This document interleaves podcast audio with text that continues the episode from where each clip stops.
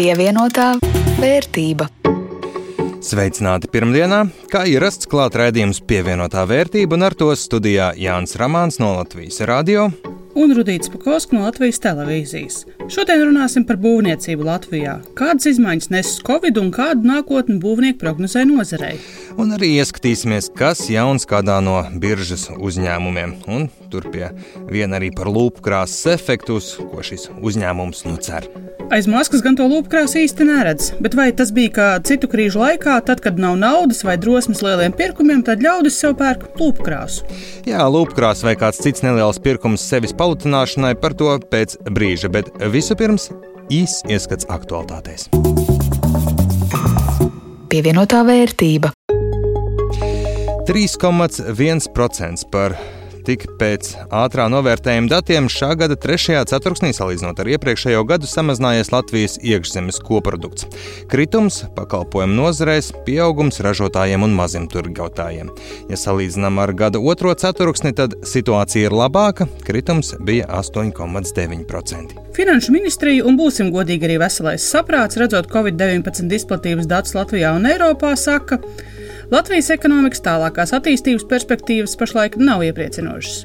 Arī Latvijas Tirzniecības un Rūpniecības kamera tiešā tekstā paziņojusi, Pat ar valsts palīdzību visus Covid dēļ grūtībās nonākušos uzņēmumus izglābt nebūs iespējams.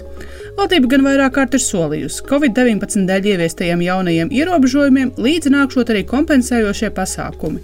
Bet pagaidām Covid frontē uzņēmumiem laba ziņa ir tā, ka valdība noraidīja priekšlikumu sodīt tos komersantus, kas nekontrolējas sejas masku lietošanu, jo pēc ekonomikas ministrijas domām pietiekot ar izvietotajiem aicinājumiem klientiem lietot sejas maskas arī Rīgas doma varētu atļaut ārā kafejnīcām strādāt arī ziemas sezonā. Saka, Tā inficēties risks ir zemāks un labāk mēģināt kaut ko apsildīt un kaut kā apsildīt ārā terases vai klientiem izsniegt dūnu segas, nekā aizklapēt bodīti vispār. Un pēc desmit gadiem amatu atstājis Latvijas energo valdes priekšsēdētājs Āris Žīgurs. Iemesls uzņēmuma padomas veiktā pārbauda par iespējamu nepamatot labvēlīgu attieksmi Latvijas energo iepirkumos pret atsevišķiem uzņēmumiem. Faktus, kas prasītu krimināltiesisku vērtējumu, padomu nav atklājusi, bet mēdījos izskanējušais un pārbaudē uzzinātais padomē bijis pietiekams, lai, citēju, ieņemtu principiālu nostāju gan pret korporatīvās ētikas principu pārkāpumiem koncernu vadībā, gan situācijām, kas raisa aizdomas par šādu normu pārkāpšanu. Par uzņēmuma kontrolu paketes pārdošanu izlēmuši Valmieras stikla šķiedras akcionāri. Uzņēmumu pēc neveiksmīgā ražotnes projekta ASV jau labu laiku vajāja grūtības. Ja Vācijas konkurences padome piekritīs, par Valmieras stikla šķiedras 83% akciju īpašnieku kļūs Luksemburgas alternatīvo ieguldījumu uzņēmums Djuk. Pavasarī starp visiem Latvijas būvniecējiem bija, protams, zināms stress un zināma neziņa. Tāpat laikā, atšķirībā no citām rietumu valstīm, Latvijā būvniecības nozare neapstājās un netika apstādināta. Visi būvobjekti turpinājās.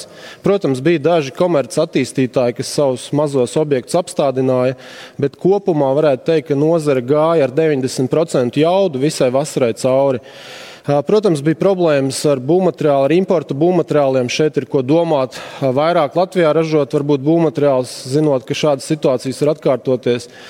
Protams, bija problēmas arī ar nodarbinātiem. Ja, Tātad ārzemju viestrādnieki bija pirmie, kas pazuda no objektiem, un tad bija jādabūja vietā cilvēki. Tā formā Būvniecība 2020 uz gadu nozarē atskatās Gins Miķelsons, būvuzņēmēju partnerības vadītājs. Viņš prognozēja, ka kritums šogad būs, bet neliels, nu vien daži procenti. Lielākā problēma ir neziņa par nākotni. Mēs saprotam, ka uh, Covid krīze iedeva ļoti lielu neziņu dažādiem komercattīstītājiem. Un, protams, ka lielie attīstītāji, kuriem ir liela pieredze, liela resursi un tā tālāk, viņi savus objektus neapstādināja. Viņi turpināja, jūs redzat, Rīgā būvēt, un tas arī notiks nākamgad. Bet liela daļa bija arī tāda, kas ir vidēji spēlētāji. Attiecīgi viņiem šī neziņa par saviem īrniekiem, par attiecībām ar bankām un tā tālāk. Tas iedeva stop signālu viņiem apstādināt savus objektus. Un, attiecīgi, te arī veidojās tā formula. Tātad komerces sektors kopumā plāno šobrīd aptuveni mīnus 30% mazāk nekā tas bija iepriekšējos gados. Un, attiecīgi, nu, lai šo kritumu kaut kā aizpildītu, ir tikai viens variants. Ja? Tātad valstī kopumā publiskajam sektoram ir jāinvestē vairāk. Par būvniecības nozares nākotni satraukušies arī uzņēmumi. Tā RR grupa valdes priekšsēdētājs Gunts Āboltiņš Āboliņš atzīst, nākamais gads uzņēmumiem izskatās vienkārši bīstams. Nākamais gads uh, izskatās faktiski, es teiktu, bīstams no pilnīgi no otras skatu punkta, ja, kad faktiski varētu nepietikt šo te uh, objektu un uh, ņemot vērā to jau, ko arī Gins tikko minēja, kad komerc attīstītājs raugās šobrīd ļoti piesardzīgi, ja pareizāk sakot, viņu finansētāji naudas avoti raugās piesardzību, kas nu būs, kā te viss attīstīties. Varbūt nevajag tik daudz birojas būvēt, eh, vai būs pietiekami daudz, eh, pietiekami liels tirgus mājokļiem un tā tālāk. Ja? Eh, tie visi ļoti, ļoti labi jautājumi, kas ir jāatbild, bet nu, esošā Covid situācija to nu, nekādi nepalīdz risināt. Ja? Tātad šī nenoteiktība nozarē turpinās un vismaz turpināsies, es domāju, līdz nākamā gada pavasarim. Līdz ar to tādu mēs par kaut kādu pārkaršanu nozarē, es, es teiktu, mēs faktiski runāt nevaram vispār. Bet kā tad ar daudz izskanējušo ekonomikas sildīšanas efektu? Risinot Covid-19 krīzi, daudzreiz no politiķu un ierēģņu mutēm izskanējis, ka viens no veidiem, kā to darīt, varētu būt dažādu valsts un pašvaldību, nu kopā publiskā sektora pasūtījumi.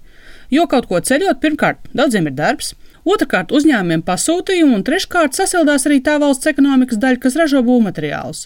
Jo visbiežāk būvē nepieciešamie materiāli tiek ražoti netālu, nevis vēsti no tālu tālām zemēm. Te gan viena problēma ir tas, ka pagaidām investīcijām būvniecībā atvēlētā nauda ir par mazu, lai ekonomiku reāli sasildītu. Skaidro Gins Miķelsons. Kā saliekot to visu kopā, publiskais pasūtītājs šogad varētu būt investējis nu, aptuveni 1,5 miljardu. Publiskais pasūtītājs plāno aptuveni 1,2 miljardu kopīgas investīcijas. Un, mūsu skatījumā tas ir drusku pamazs. Tas neiet kopā ar tiem mērķiem, kurus mēs pavasarī kopumā valsts pārvalde un nozare esam vienojušies. Un, attiecīgi, nu, tas ir tas šobrīd tāds sarunu objekts, par ko ir jāturpina diskutēt un, un, un jāskatās. Jo mūsu matemātika ir ļoti vienkārša. Ja mēs paskatāmies, iekšzemes koprodukts turpina krist.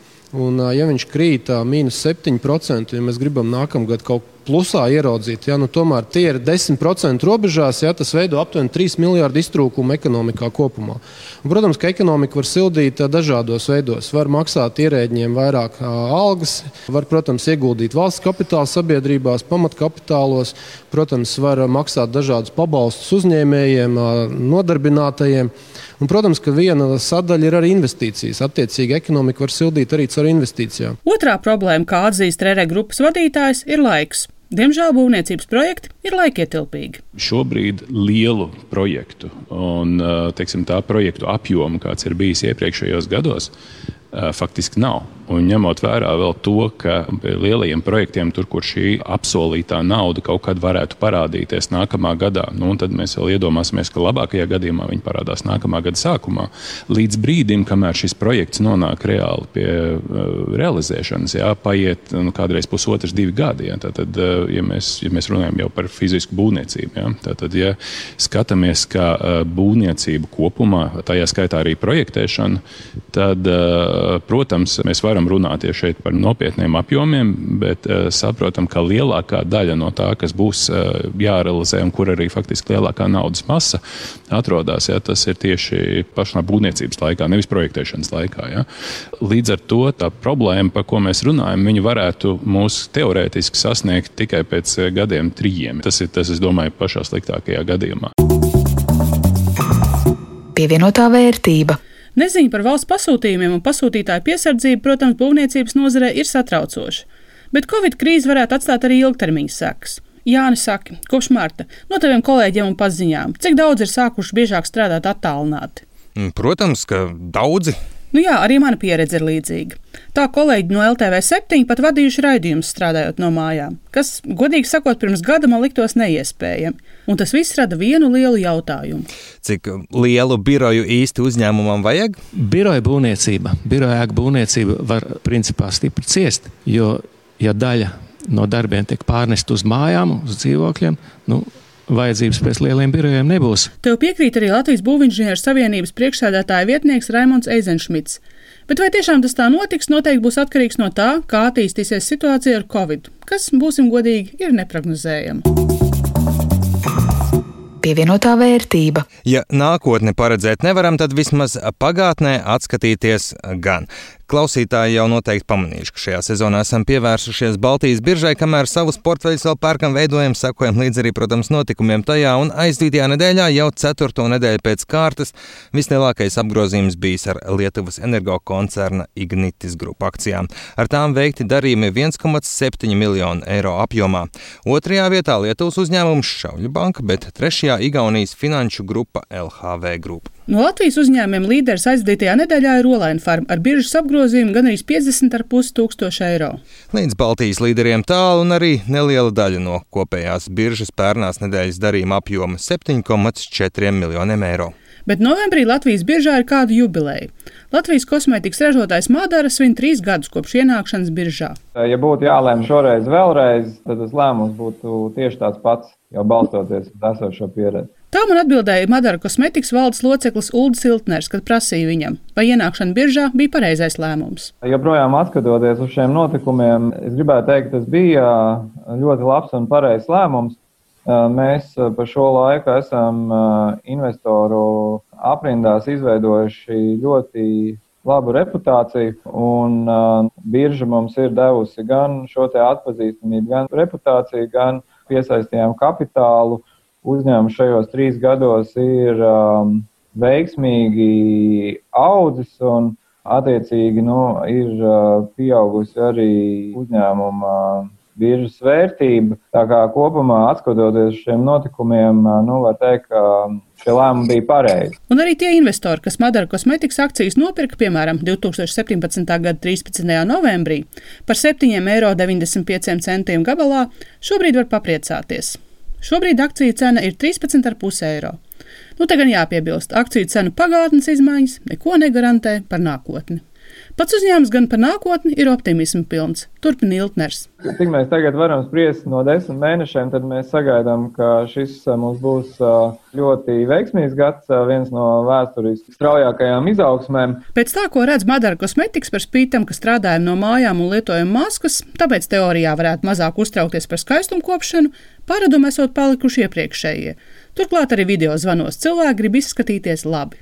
Palīdzējusi arī attīstītā pārdošana internetā, bet ārzemju tirgos produkcijas specifika nākus pat par labu. Kā piemēram, Vācijā, kur šajā pavasara lockdown laikā lielajiem kosmētikas veikaliem bija aizliegts strādāt, bet mazie veikali varēja turpināt. Tā kā mūsu izplatīšana Vācijā ir balstīta uz šiem privātajām parfumērijām un dabījās kosmētikas veikaliem, kas lielākoties ir nelielie veikali, tad tie varēja turpināt strādāt.